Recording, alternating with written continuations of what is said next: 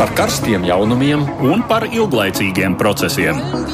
Par idejām, par cilvēkiem, par naudu un par laiku. Par abām mūsu planētas puslodēm, un lietojot abas smadzeņu puslodes. Ēterā raidījums divas puslodes. Mēs atkal tiekamies ceturtdienas raidījumā, divas puslodes, kad runājam par to, kas notiek pasaules lielajā politikā. Nu, par dažiem tematiem spriežam plašāk, par dažiem īsāk. Studijā esam mēs, Edvards Liniņš un Aits Tomsons, un šoreiz vairāk uzmanības pievērsīsim šādiem notikumiem. Izskatās, kārtējo reizi tiks atlikts Brexits. Vakar Londonā plosījās pamatīgas politiskās kaislības, kurās visvairāk nācās zaudēt premjerministram Borisam Džonsonam. Parlaments viņam liedza tiesības īstenot bezvienošanās Brexit oktobra beigās, un arī ārkārtas parlamenta vēlēšanu Lielbritānijā nebūs vismaz ne 15. oktobrī. Ukrainā liela interese ir par centieniem īstenot gūstekņu apmaiņu starp Ukrainu un Krieviju. Gatavošanās tā ir apaugusi ar daudz baumām. Tomēr cerības uz apmaiņu ir. Turklāt šī varētu būt arī iespēja Ukrāņu režisoram Seņcovam tikt brīvībā. Pretrunīgi vērtētas ziņas nāk no Afganistānas. Savienotās valstis esot vienojušās ar kustību Taliban, ka tā savā kontrolētajā teritorijā neļaus darboties teroristiem, savukārt amerikāņi pakāpeniski izvedīs savus spēkus no Afganistānas. Daudz ir aizējies, ka šāda vienošanās nesīs nevis mieru, bet gan jaunus satricinājumus. Mēs uzturam šoreiz arī Twitter aptauju. Jautājums mums ir ļoti vienkāršs par Brexitu. Vai jūsuprāt, Britiem kādreiz vispār izdosies izstāties no Eiropas Savienības? Jā vai nē? Aptauja ir Twitterī Latvijas radio viens kontā. Nu, atrodiet iespēju nobalsojiet vēl tuvākajās minūtēs. Un kopā ar mums šodien studijā ir ārpolitikas pētnieki Vineta Kleinberga Labdien. un Rināls Guldis. Labdien! Bet mēs sākam raidījumu ar dažām citām ziņām īsumā.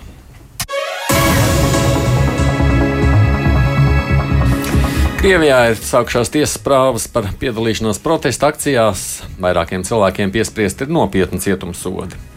Trešdien 28 gadus vecais Kirillis Žukovs tika notiesāts par to, ka demonstrācijas laikā 27. jūlijā iesits policistam nodrot viņam fiziskas sāpes. Tajā video, kas ir publiskots sociālos medijos, gan redzams, ka Žukovs tikai viegli pieskaras policista ķiverei. Tiesa Žukovam piesprieda trīs gadus ilgu cietumsodu. Otrajam apsūdzētajam Jevgenijam Kovaļenko piespriests trīs gadus un sešus mēnešus ilgs cietumsods par policistu pagrūšanu un mešanu ar atkritumu tvērtni citām policistām. Arī otrdien vairākiem diviem cilvēkiem faktiski tika piespriests līdzīgi cietumsodi. Savukārt blogerim Vladislavam Siņicam nāksies pavadīt cietumā piecus gadus par viņa tvītu. Tajā viņš jautāja, kas notiktu, ja cilvēki atrastu tiesību sargājošo iestāžu darbinieku mājas, lai nolaupītu un nogalinātu viņu bērnus. Izmeklētājs skaidroja, ka tas uzskatāms par aicinājumu uz vārdarbību. Tomēr nevienmēr tiesa ir pakļausies ar izmeklētāju prasībām. Pirmdien tā noraidīja prokuratūras prasību atņemt vecāku tiesības vecākiem, kas bija paņēmuši līdzi uz opozīcijas demonstrāciju bērnus. Ģimenē vien izteikts oficiāls brīdinājums, mudinot mainīt uzvedību. Hongkongā gan protesti pēdējo nedēļu laikā bijuši gan niknāki, un arī rezultāti ir acīm redzamāki. Pekinai simpatizējošā Hongkongas līdera Kerija Lama trešdien paziņoja par atteikšanos no protestus izraisījušā likuma projekta par aizdomās turamo izdošanu kontinentālajai Ķīnai. Šādi izrādot pretim nākšanu bijušo Britu koloniju trīs mēnešu pārņemušo protestu dalībniekiem.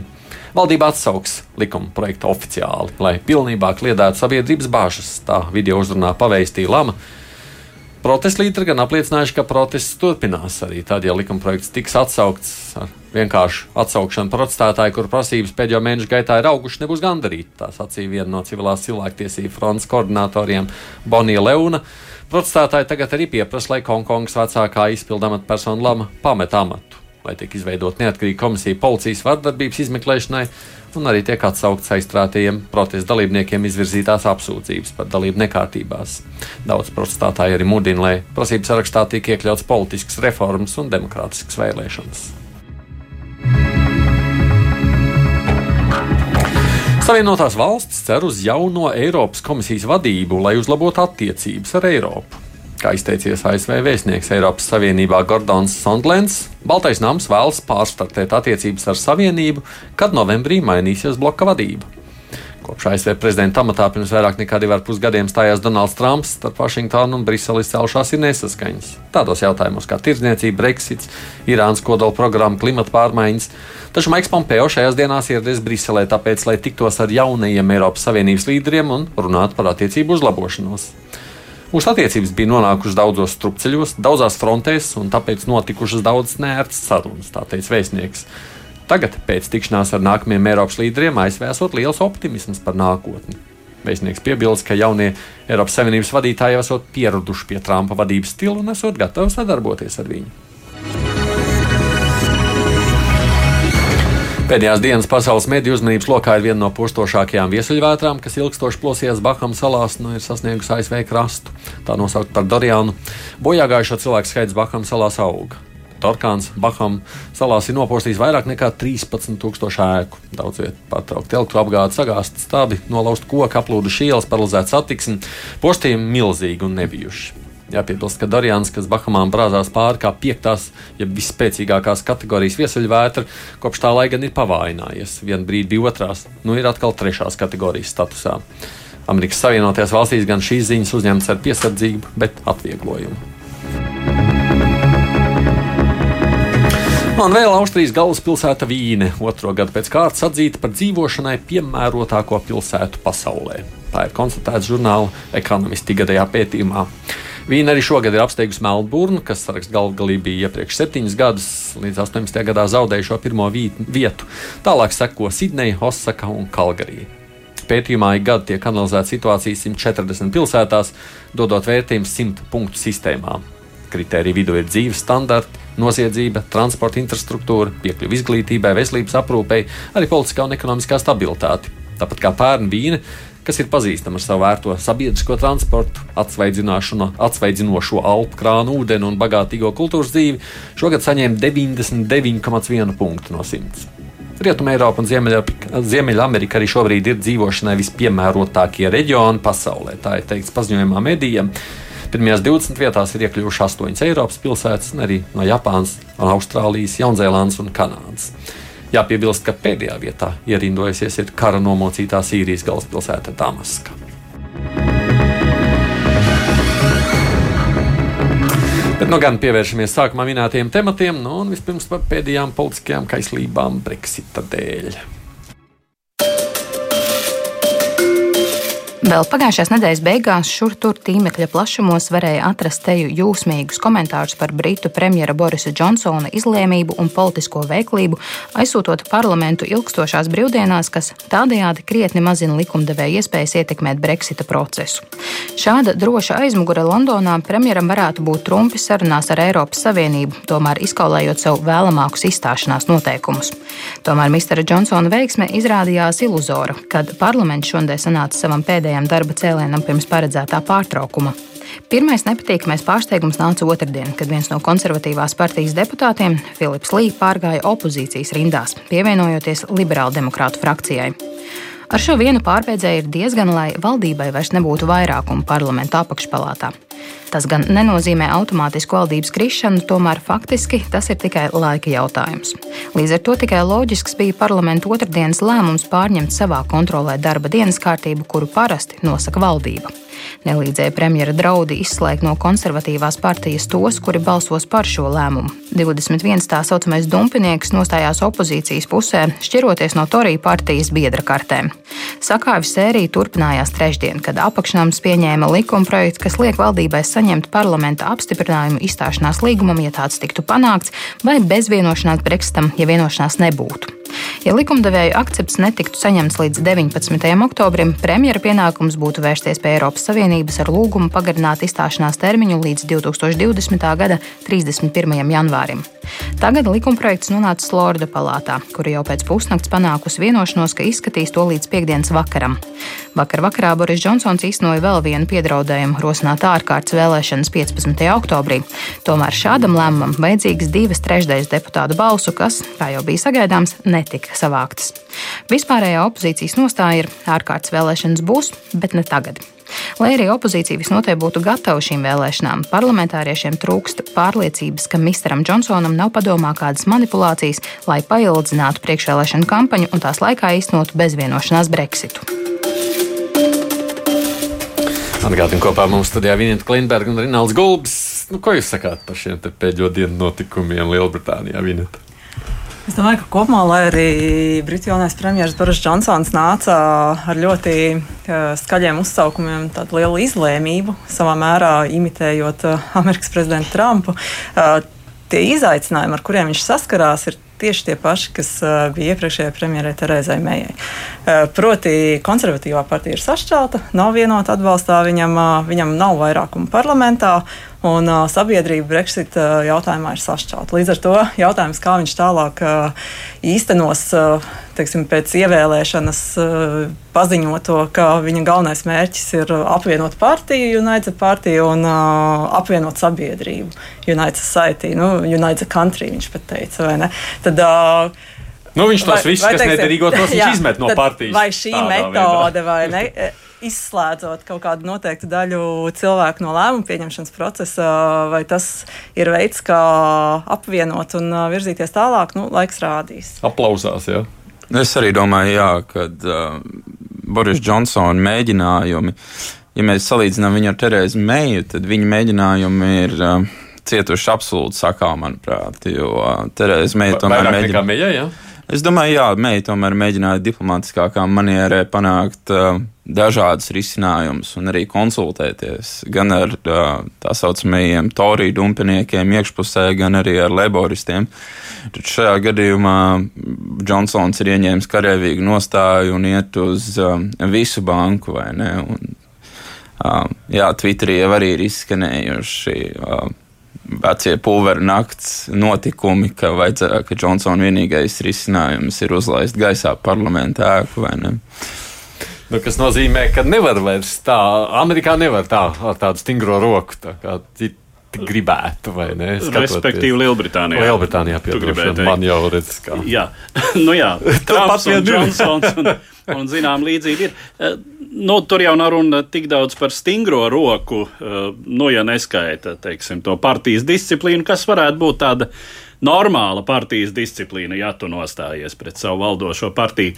Eh, bet, jā, runa ir par acīm redzot to, kas ir pieņemami un kas nav pieņemami, un uh, kaut kādām sarkanajām līnijām, kas tomēr pastāv visnotaļ Britu parlamentā, lai gan uh, Britu parlaments un vispār Britu politiskā konjunktūra pēdējos gados nu, ir pārsteigusi Eiropu un pasauli ar ekstravaganci visaugstākajā mērā, bet tomēr ir lietas, kuras darīt nedrīkst, un šajā gadījumā Tas pat ir pārsteidzoši, jo Boris Džonsons ir mm, gana pieredzējis politiķis un arī cilvēks, kas ir mm, kā žurnālists pamatā nodarbojies ar politisko analīzi.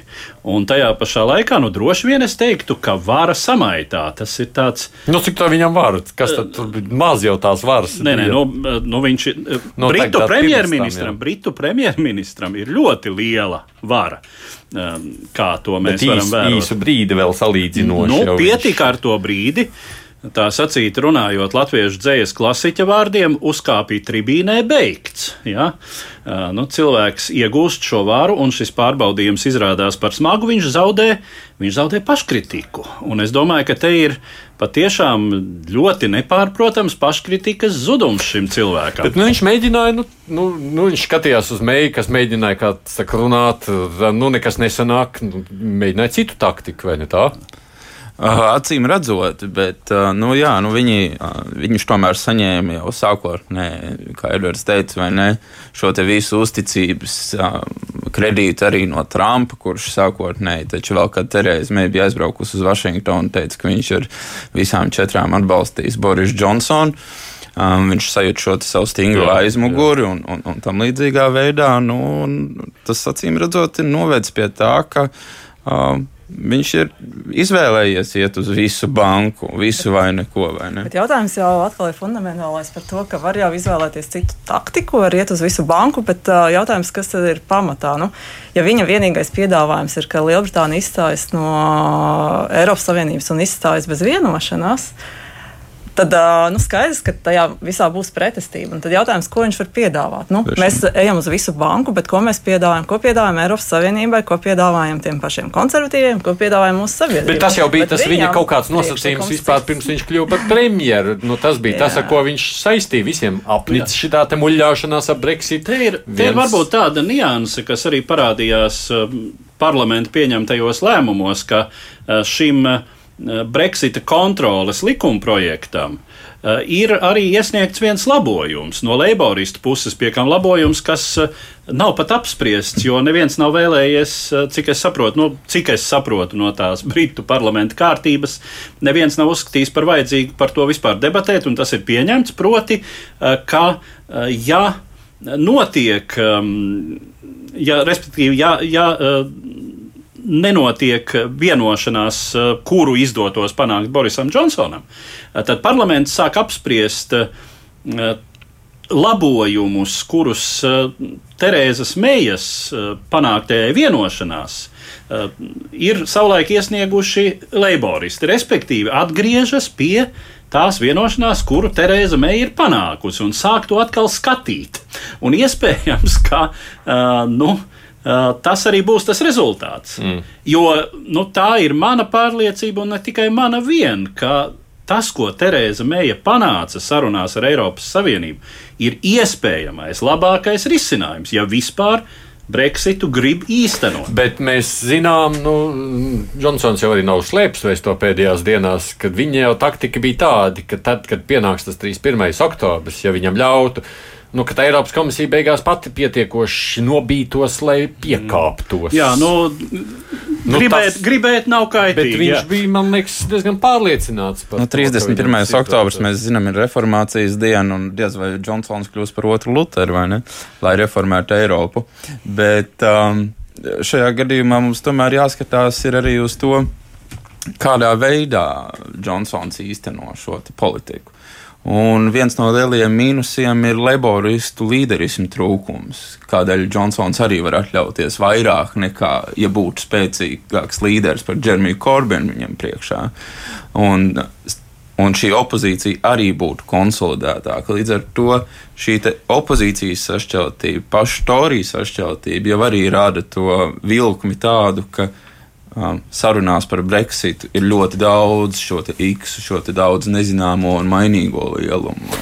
Mēs prasījām, lai klausītāji nobalso. 70 cilvēki ir atsaukšies un tvīt notvītojuši savu rezultātu. 53% saka, ka izdosies, viņiem pamest 47%, ka neizdosies. Mums arī savs uh, nu, referendumam nu, līdzīgs balss. jā, ļoti tuvu Brexit rezultātam. Tā kā ja mums būtu Brexit, būtu līdzīgs balsojums. Nu, kas nozīmē, ka mēs arī nu, būs, nebūs nezinām. Būs Brexits, nebūs Brexits. Nu, to joprojām īsti nevar saprast. Nu, šobrīd tā kā šķiet, ka varētu arī nebūt. Ka varētu arī, arī varētu. Nu, tur tā lieta, ka runājot par opozīciju, un, protams, Leiboristu partija, kas ir lielākā opozīcijas partija, tad um, arī Leiboristu partija nav vienota savā nostājā, un tās elektorāts nav vienots, kā ļoti labi zināms, jo nu, ir tādi strādnieku, klasiskie strādnieku rajoni, kuri ir noticējuši, ka Brexits nāks par labu. Kā nu, motīvs, zināmais motīvs. Mm. Mazāk importa, vairāk darba vietējiem un tā tālāk. Un tā tālāk ja? Viss vis tas, nu, uz ko spēlē arī, kā zināms, prezidents Trumps, uzsākot tirdzniecības karus, piemēram, ar Ķīnu. Tā tad.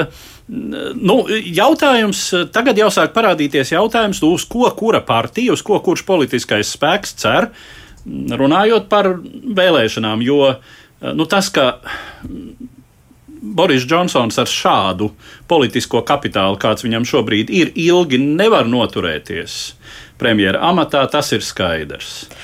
Bet tajā pašā laikā lasīju pavisam nesenas aptaujas rezultātus. Viņš joprojām ir ļoti populārs sabiedrībā. Viņam iepratim Džeremijam Korbinam, teiksim, viņu atbalstītu 40% iedzīvotāji, kamēr Korbinu atbalstītu tikai 18%.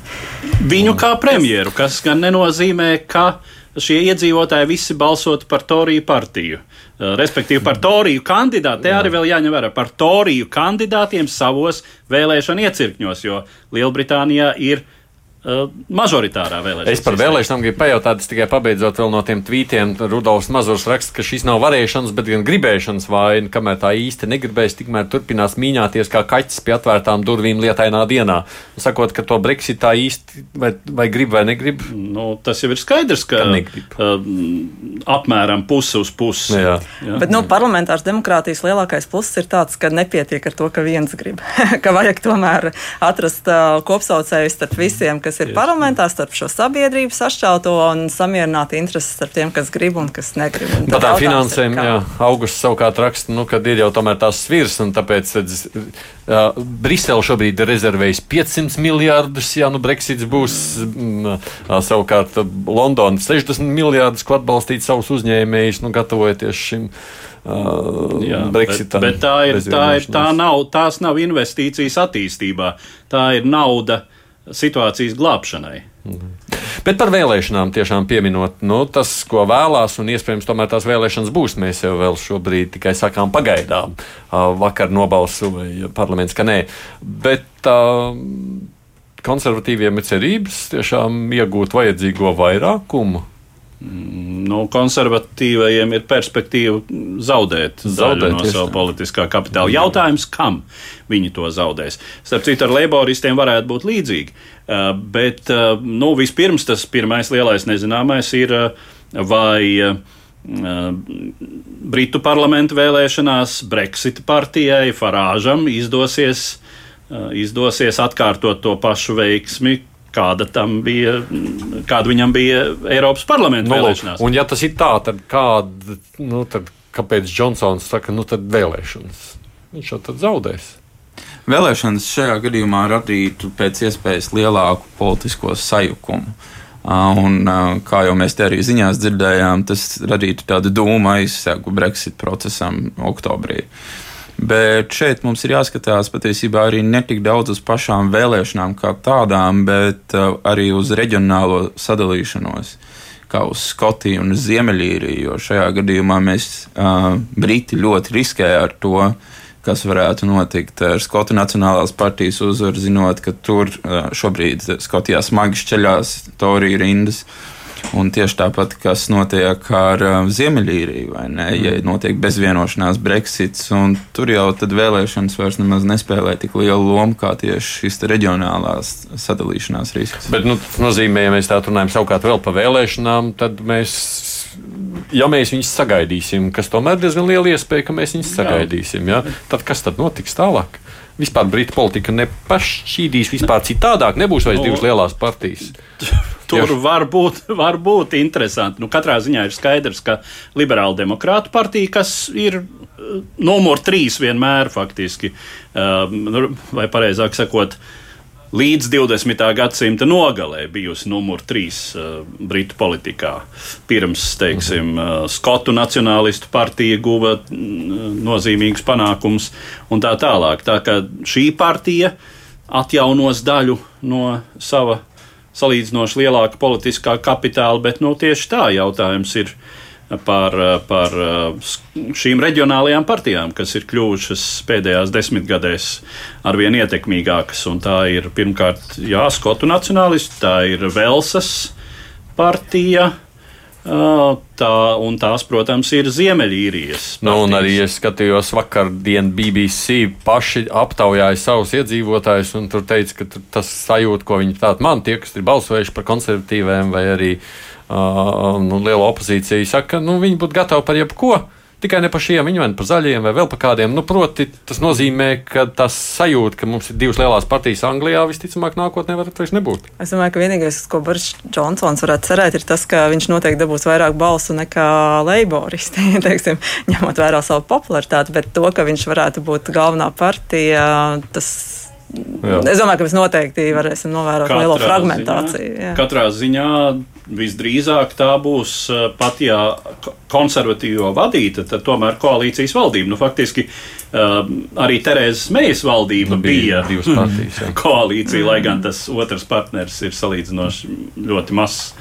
Uh, nu, jā, viss, protams, arī ļoti būtisks jautājums, kas šai procesā var notikt ar Ziemeļīriju.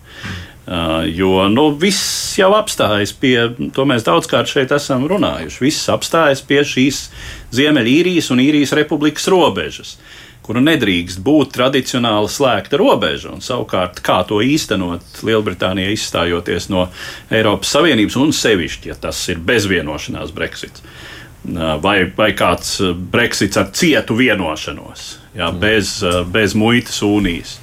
Eh, tad eh, nu, tas, tas ir eh, vispār nu, tas ir vis, vis problemātiskākais jautājums. Un, un parādās šie motīvi par to, ka Varbūt, ka īrijas sala tomēr varētu kļūt vienota. Protams, tās ir spekulācijas, kas arī ir mm, diezgan riskantas, jo, nu, protams, Ziemeļīrijā ir ļoti daudz unionistu, kuri nekādi nevēlētos apvienošanos ar īrijas republiku, ja, tādu tradicionālu apvienošanos.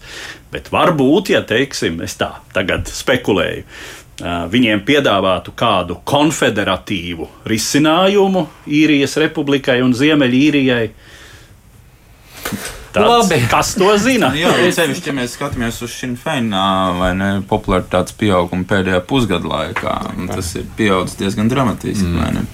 Nu, kas nozīmē, es ceru, ka kaut kādas tuvākās nedēļas par Brexit vairs nesanāks runāt, jo man liekas, ka viņi tur šobrīd ir to tematu mazliet atcēluši atkal uz priekšu. Izsmēluši. Bet par Lielbritānijas iekšējo politiku to, kas tur notiek starp partijām, vispār politikā, es pieļauju, mums gan nāksies kaut kad arī itin drīz varbūt runāt. Pievēršamies turpinājumā citām tematām par Ukrainu un Krieviju. 29. augustā uz savu pirmo sēdi sanāca jūlijā ievēlētais Ukrainas parlaments augstākā rada. Kā zināms, jaunajā likumdevēju sastāvā absolūts vairākums ir prezidenta Volodimira Zelenska partijai Tautas kalps. Daudzi pauž bažas, ka parlaments tagad kļūs par prezidenta un viņa administrācijas likumu drukājamo mašīnu. Burtiski dažu stundu laikā tika pieņemts priekšvēlēšana laikā solītais likums par deputātu imunitātes atcelšanu, kā arī apstiprināts jaunais ministru kabineta sastāvs un iecelts jauns Ukrainas ģenerālprokurors. Tieši viņam, ģenerālprokuroram Ruslanam Rajabošapkam, piekrita izšķirošā loma ažiotāžā, kas 30. augustā izvērtās Kievā, kad ģenerālprokurors savā Twitter kontā pārpublicēja nu jau bijušās deputātu palīdzes Annas Islamovas paziņojumu, ka notikusi gūstekņu apmaiņa starp Ukrainu un Krieviju un lidmašīna ar Krievijā notiesāto kino režisoru Oļegu Sencovu pagājušā gada novembrī sagūstītiem Ukraiņas jūrniekiem un vairākiem citiem gūstekņiem jau drīz nolaidīšoties Kijevā. Vairāki simti žurnālistu steidzās uz abām Ukraiņas galvaspilsētas lidostām, taču gaidītais reizes tā arī neieradās. Dienas laikā Ukrainas drošības dienests un prezidenta administrācija izplatīja oficiāls paziņojums par minētās informācijas nepamatotību. Pēc tam minētā ieraksta pazuda kā no Rebašapkas, tā arī Islamovas Twitter kontiem. Kā zināms, sarunas par gūstekņu apmaiņu starp Krieviju un Ukrainu tiešām notiek, taču nekādi konkrēti rezultāti pagaidām nav panākti. Ir skaidrs, ka šāda apmaiņa būtu milzīgs iegūms prezidentam Zelenskim, taču tikpat skaidrs ir arī tas, ka tā notiks tad un ar tādiem noteikumiem, kādus vēlēsies Krievijas vadonis Vladimirs Putins. Medijos tiek plaši apspriestas sociālajos tīklos izplatītās baumas, ka Krievija pieprasot apmaiņas procesa ietvaros izdotai Vladimiru Cemahu, austrumu Ukrainas separātistu kaujinieku, kurš komandēja tā saucamo Doņetskas Tautas Republikas pretgaisa aizsardzības spēkus 2014. gada vasarā, kad virs Donbasa tika notriekta Malaiža Airlines pasažieru lidmašīna, nogalinot 298 cilvēkus. Cemefs, kuru šī gada jūnijā Donbasā sagūstīja Ukrainas drošības spēki, varētu būt ļoti nozīmīgs liecinieks tiesas procesā, kuru paredzēts uzsākt nākamā gada martā Hāgas apgabaltiesā Nīderlandē. Viņš ir Ukrainas pilsonis, līdz ar to viņa izdošanai Krievijai nav juridiska pamata.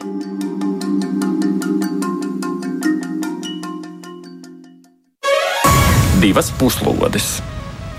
Gādījums studijā kopā ar mums ārpolitikas pētnieki Vineta Kleinberga, Rinalds Gulbs, arī mēs ar Eduardu Liniņu. Būs šī gūstekņa apmaiņa, kā izskatās? Izskatās jau, ka būs, jo šķiet, ka Krievija tieši tāpēc, nu katrā ziņā, ja runa par Ukraiņas jūrniekiem, kas tika sagūstīti, tad ļoti iespējams tas arī bija mērķis iegūt apmaiņas materiālu. Jo, kā zināms, nu, Ukrainā arī ir gūstā vai aizturēti, teiksim, šajā gadījumā nu, pamatoti. Mm. Tas ir ļoti slidens jautājums. Viņi tiek dēvēti par gūstekņiem, bet viņi, protams, nav kara gūstekņi tradicionālā nozīmē, jo nav atzītas kara darbības. Krievijas puse neatzīst, ka tā karoto pret Ukrainu vai vispār būtu kaut kā nozīmīgi iesaistīta tradicionālā, tradicionālā izpratnē šai konfliktā. Attiecīgi šiem cilvēkiem, kā vienā tā otrā pusē, ir krimināli vajāto vai notiesāto status. Mm. Un, bet nu, tajā pašā laikā lūk, tā ir viena no tās augtās, tās augtā Minskas procesa sastāvdaļām, un tā, kuru nu, ir salīdzinoši vieglāk realizēt. Nu, tā tad konkrēti cilvēkus, kuri nu, katrā ziņā, teiksim, tie, kuri ir aizturēti Krievijā, nu, tās ir aiz matiem pievilktas apsūdzības lielākoties nu, tam pašam kino režisoram Sencovam. Un Krievija, protams, arī pastāvīgi izjūt Eiropas valstu, tā skaitā, tā skaitā tā sauktā Normandijas formāta dalībnieku, proti Vācijas un Francijas diplomātisku spiedienu šos cilvēkus atbrīvot. Un lūk, šī apmaiņa, nu, tas ir tāds risinājums, eh, kas eh, ļauj saglabāt arī prezidentam Putinam sava, eh, savu, tā sacīt, vadoņa renomē.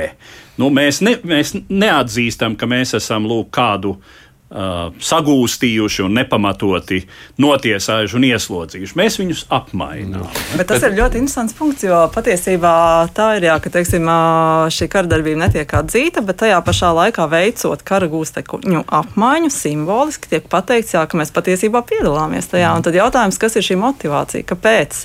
Kāpēc šobrīd Krievija tā rīkojas? Vai viņi redz jaunajā Ukraiņas prezidentā iespēju kaut kā tomēr normalizēt attiecības, vai tur ir, tur ir kaut kāds dziļāka motivācija? Situācija, ko ar šiem gūstekņiem jā. Krievija teiktu, valsts izdarīja. Es teiktu, ka faktiski divas puses, un, un tiešām jā, ļoti būtiski tas, uh, ko jūs sakāt, ka uh, vispār attieksme pret šo karu Krievijas sabiedrībā, kur no vienas puses visiem ir skaidrs, kas notiek. Un, uh, ir pat teiksim, vēlēšanās sevi izjust kā karojošu pusi, kurā demonstrē šādā veidā savu valstisko varenību.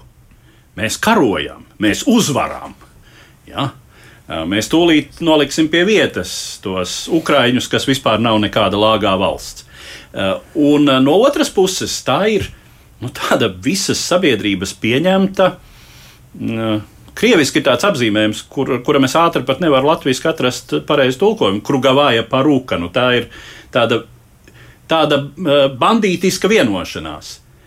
Ka, jā, mēs zinām, kas notiek, bet mēs, protams, apgalvosim, un uzturēsim versiju, ka nē, mēs nekarojam, mēs neesam iesaistīti. Nu, vienīgais, dodot Ronaldam vārdu, es teikšu, man ir nācies runāt ar tiem ukrāņiem, kas uh, dzīvo tajā tuvu pie Doņiskas, tajā Krievijas ap, uh, informācijas telpā. Viņi gan ir pārliecināti, ka tur nav nekāda Krieva. Nē, nē, nē, nē, nē tur patiešām notiek. Uh, nu, tā informatīvā telpa joprojām tiešām tiek uzturēta diezgan intensīvā veidā, un arī ir liecības par, par dažādu signālu bloķēšanu un um, iekārtām, kuras Krievija tur ir ievedusi iekšā. Un, bet, ja mēs runājam tieši par šo karu gūstekņu apmaiņu, tad um, Sencovs ir kļuvis par simbolu visiem šiem karu gūstekņiem pēdējā laikā.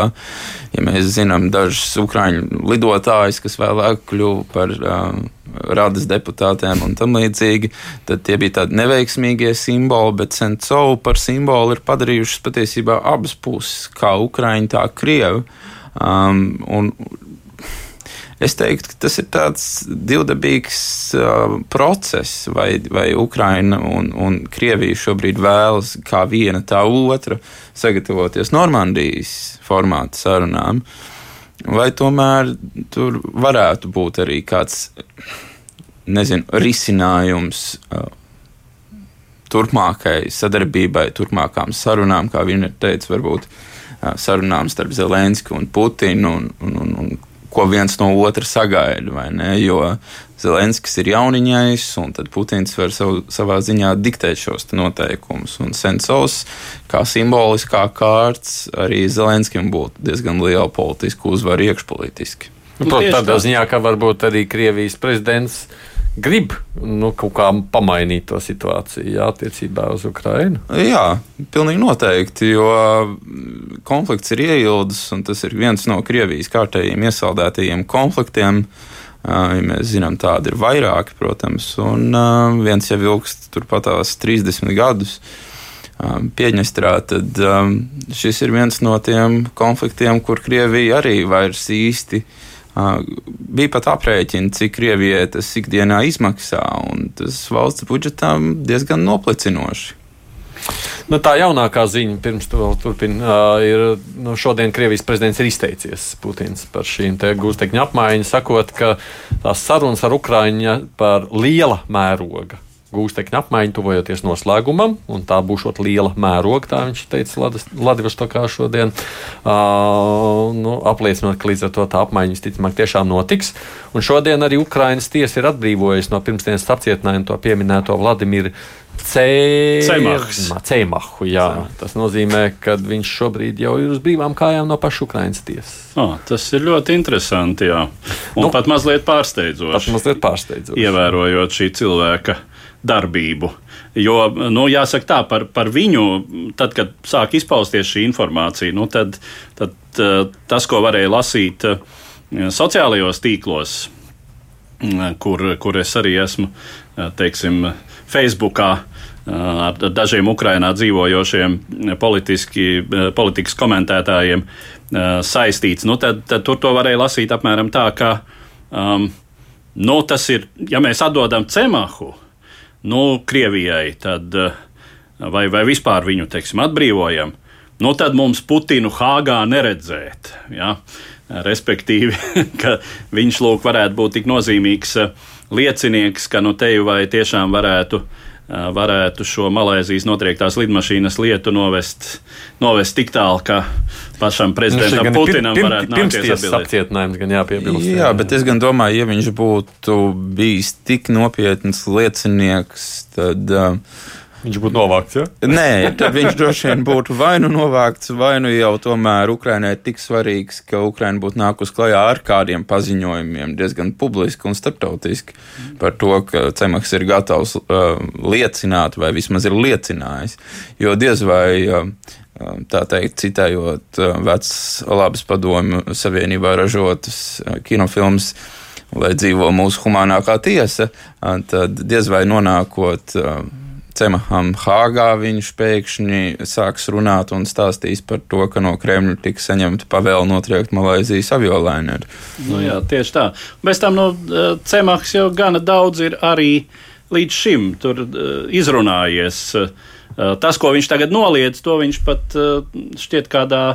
Eh, ja atmiņa man nebija kādā dokumentālā, respektīvi, kādā, kādā ziņu sižetā, ir 2014. gadā plātījies, ka nu, es te palīdzēju, lai, lai tas buks vai, vai nu, tas konkrētais vai nu, tehnika no Krievijas varētu tur pārvietoties un tā tālāk. Un tā tālāk. Tad, kad bija šī zināmā uh, Uh, uzvarētāju eiforija tobrīd tā sauktajās tautas republikās, uh, Ukraiņas austrumos.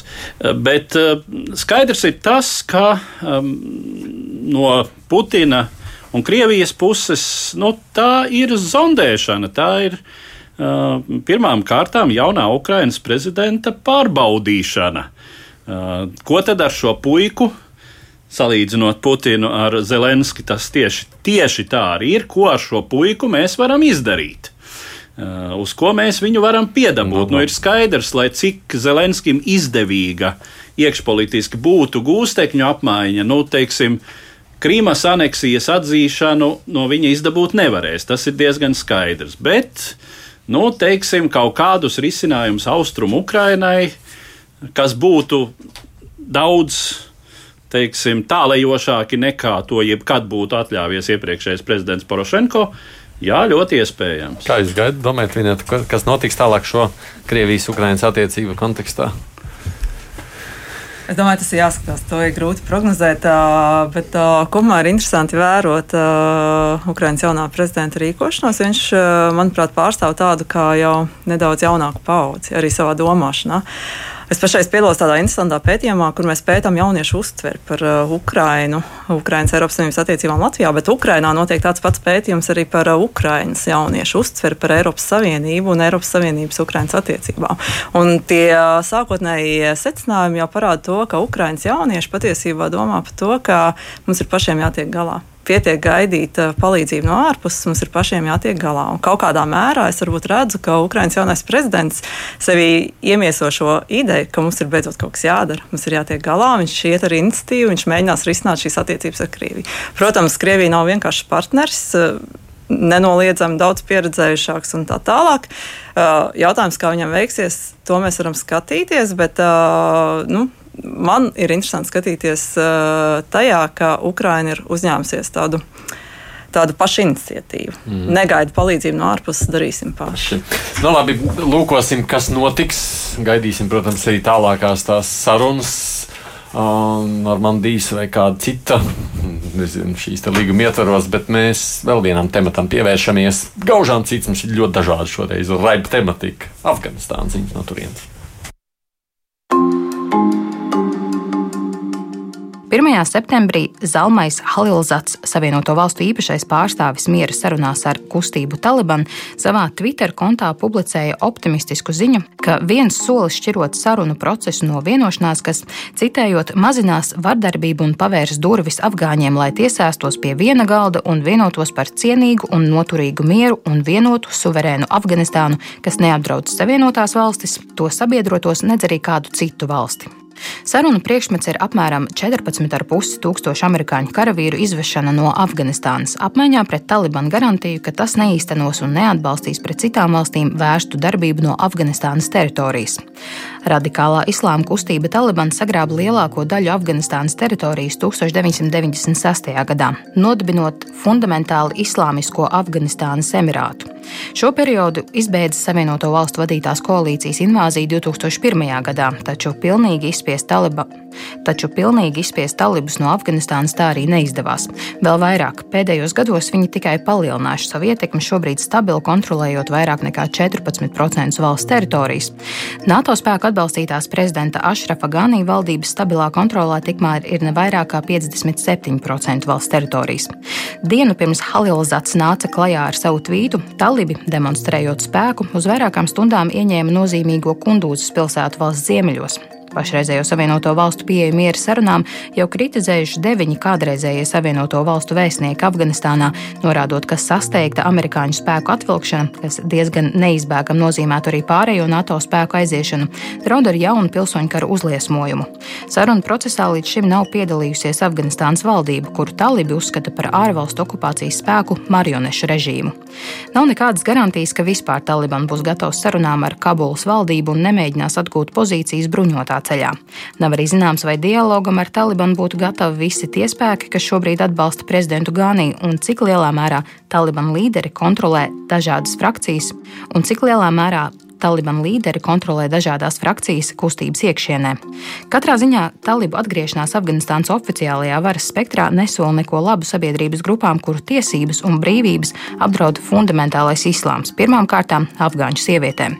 Tas viss draud no jauna iegrūst Afganistānu, kur kara darbība nerimst kopš padomju invāzijas 1979. gadā, jaunā vardarbības eskalācijā. Tas nozīmētu jaunas bēgļu plūsmas, arī lielākas iespējas šeit izvērsties dažādām islāma teroristu grupām un, domājams, arī narkotiku ražotājiem. Ko sakāt par šo iespējamo vienošanos ar Talibanu? Diezgan traģikomiski, es teiktu. Uh, apsolījums par to, ka Taliban, kas ir uh, ASV jau no 2001. gada atzīts teroristisks grupējums, tagad izbeigs nodarboties ar terorismu, būtu apmēram tāda pati vienošanās ar Al-Qaidu, kad viņi vairs uh, nespridzinās neko. Nu, bet varbūt pasties panākt to, ka viņi saka, visi mēs vairs nebūsim teroristi. Nu, es domāju, ka tas ir process, kas ilgtu gadu desmitiem, kamēr nolikt ieročus, demilitarizētu lielas teritorijas Afganistānā. Bet es gan teiktu, ka riski par to, ka pieaugtu bēgļu plūsmas un narkotiku tirzniecība, tas varētu būt gan gluži otrādi, jo tieši Talibāna laikā Aha. narkotikas tika audzētas mazāk, un talibi praktiski neļāva izceļot nevienam. Uh, tie ir divi tādi motīvi, kas, kas, kas uh, no, teiksim, no Rietumē Eiropas viedokļa raugoties, varētu būt pozitīvi. Nu, tas ir tad, ja, ja tā sacīt, no Rietumē Eiropas viedokļa raugoties, mēs pieņemam par pozitīvu attīstību. Atkārtojamies 96. gada scenāriju, kad Taliban kļūst par Afganistānas valdību. Un eh, tas arī varētu būt nosacījums, ka Taliban tiešām neļautu tai pašai Al-Qaidai uh, un citiem grupējumiem darboties teritorijā, kuru tad kontrolētu tikai Taliban. Bet, ja viņi nebūtu ļāvuši, pieņemsim, Alkaidē darboties tajā 2001. gadā, tad jau nebūtu viss noticis. Ne? Nu, visdrīzāk, jā. Visdrīzāk tas, ka Bin Ladens toreiz atrada patvērumu Afganistānā. Mm. Jautājums, cik teiksim, viņš saskaņoja to ar Taliban. Ja? Tas, tas arī ir, kā viņš tur nonāca. Un, Uh, un, un, uh, jo nevajag jau iedomāties, ka teiksim, pat tajā laikā Taliban kontrolēja visu to teritoriju, kas teo, teorētiski bija tās kontrolē. Uh, bet um, katrā ziņā, jā, nu, tas galvenais motīvs, kāpēc notika šī invāzija, bija tas, ka Afganistāna tika uzskatīta par starptautiskā terorisma perēkli. Protams, blakus efekts, pozitīvais blakus efekts bija tas, ka uh, no varas tika padzīta šī islāma fundamentālistiskā kustība, kas diezgan būtiski uzlaboja nu, pirmkārt sieviešu tiesību stāvokli. Ja, kas, protams, arī joprojām nav Afganistānā tāds, kas, kas atbilst teiksim, Eiropas standartiem, bet nu, tādā vispār, vispār teiksim, Āzijas un islāma, islāma pasaules kontekstā nu, tas vismaz nav sliktāks, kā tas ir teiksim, kaimiņu valstīs, Irānā vai Pakistānā. Ja? Kur, eh, kur talību laikā nu, tas bija viduslaiku līmenis, ja, eh, ja ne vēl sliktāk. Eh, un, nu, ja teiksim, atgriešanos pie talību varas Afganistānā, Eiropa var saukt par sev pozitīvu, kaut kādā veidā mm, sev pozitīvu norisi, nu, tad te ir atkal jau jautājums par, par reālo politiku un vērtībām. Jā. Ja? Šeit tomēr ir arī jā, jāskatās uz to, ka mēs nevaram runāt par Afganistānas valdību kā tādu vienotu veselumu. Mēs runājam par cilšu kopienu valsti. Un uh, veco padomi, kur patiesībā ir daudz spēcīgāka savā neformālajā būtībā par uh, Afganistānas parlamentu un valdību, tomēr nosaka to, to toni, Un diez vai šis risinājums, kad saņemtie labumi no Amerikas Savienotām valstīm un tās sabiedrotajiem atsevišķām cilšu kopienām un klaniem, ir nākuši šajos gados par ļoti lielu uh, pašlabumu un labumu kā tādu. Un ka Taliban varētu atgriezties pie varas, diez vai viņiem tas šķiet un šķistu pozitīvi un patīkami. Jā, jo runa jau pirmkārt ir par to, ka tad, ja no turienes aiziet NATO spēki, un tad paliek Afganistānas centrālā vara un talibi ar zināmajiem 15 apmēram procentiem teritorijas, un citas, citi spēki, ehm, par ko arī ir runa. Nu, tātad tie, kuri karoja pret talibiem starp 96. un 2001. gadu, Ja, ja mēs atceramies 2001. un 2002. gada notikumus, tad Afganistānas teritorijas lielāko daļu ieņēma nevis Savienoto valstu un to sabiedroto spēki, bet gan šīs cilšu kopienas, kas tad, kad Savienoto valstu invāzijas rezultātā talību vāra atslāba, turpinot jau iesākto, jau vienmēr notikušo cīņu pret Talibanu, pārņēma attiecīgi vairāk nekā pusi. Nu, tur, tur var kartēs, internetā ir atrodams tās kartes, ja, kur, kura teritorija, teiksim, Uzbeku um, etniskās, etniskās grupas spēki valsts ziemeļaustrumos, ja, kur, kur talibi tā arī nekad nenostiprinājās. Ja. Uh, kur citas cilšu, puštonu cilšu kopienas, jā, tur mm. ap galvaspilsētu un tam līdzīgi. Jā. Bet nu, no otras puses, tagad jau arī tā situācija, nu, kā viņi ir iesaldēti gadu gadiem, vai ne? tur nekas nemainās. Nav jau arī lāga kā ir, vai ne? Viņš gribētu kaut kādas pārmaiņas. Kopumā par situāciju runājot, Es domāju, cilvēciski amerikāņu lēmums pamazām aiziet no Afganistānas ir saprotams, jo visai drīz jau kritušo karavīru skaits sasniegs to kritušo skaitu vai bojā gājušo skaitu, kas aizgāja bojā diviņu torņos. Tad līdz ar to nu, skaidrs, ka nu, mēs kā cīnāmies pret to, bet beig beigās vēl vairāk cilvēku iet bojā. Bet strateģiski šis lēmums, nu, es domāju, mēs pēdējo simts gadu laikā jau trešo reizi redzam starptautisku spēku mēģinājumus uh, iesaistīties un sakārtot situāciju Afganistānā.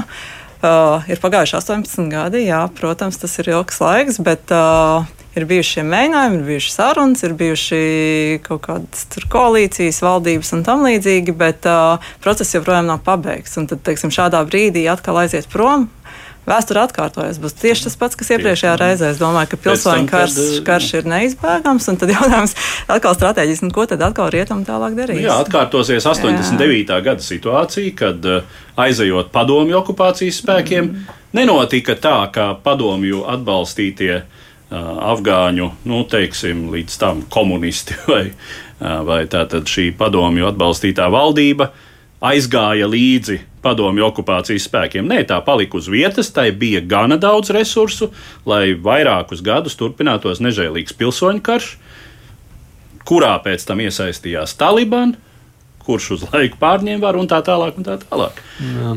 Nu, šodienas sprādzienā jau ir nekāda labā ziņa, laikam nav tajā visā stāstā, cik tur atkal kaut kādi 40 pārgājuši bojā. Kā tie sprādziens, kas nozīmē visas tās sarunas par mieru tikai tādas Nu, šobrīd eh, runa ir par to, ka Taliban šādi demonstrē savas iespējas.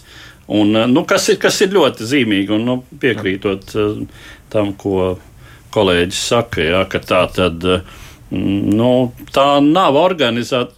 Ir grūti iedomāties, kā vispār kādam var ienākt prātā ar šādu organizāciju slēgt vienošanos par, nu, teiksim, uguns pārtraukšanu. Ja, motiv, ja viņi motivē savu sarunu partneri šādā veidā, tad, ne, tas, tas ir ne, ne, no, nu nepārprotami, ka, ka šie iebrukumi pilsētās, ja, šie, šie terora akti, par kuriem nekavējoties uzņemas atbildību, uh, nu, tas ir tā sacīt. Uh, Um, tas ir motīvs. Ja jūs ar mums nevienosieties, tad būs vēl vairāk un vēl asiņaināk. Paldies jums, ka atnācāt šeit. Tā mēs šoreiz trīs tematus pārunājām. Ārpolitikas pētnieki Vineta Klimberga, Rinalds Gulbs, Edvards Liniņš un arī Saits Samsons. Tiešām paldies jums. Producenti Ieva Zeiza.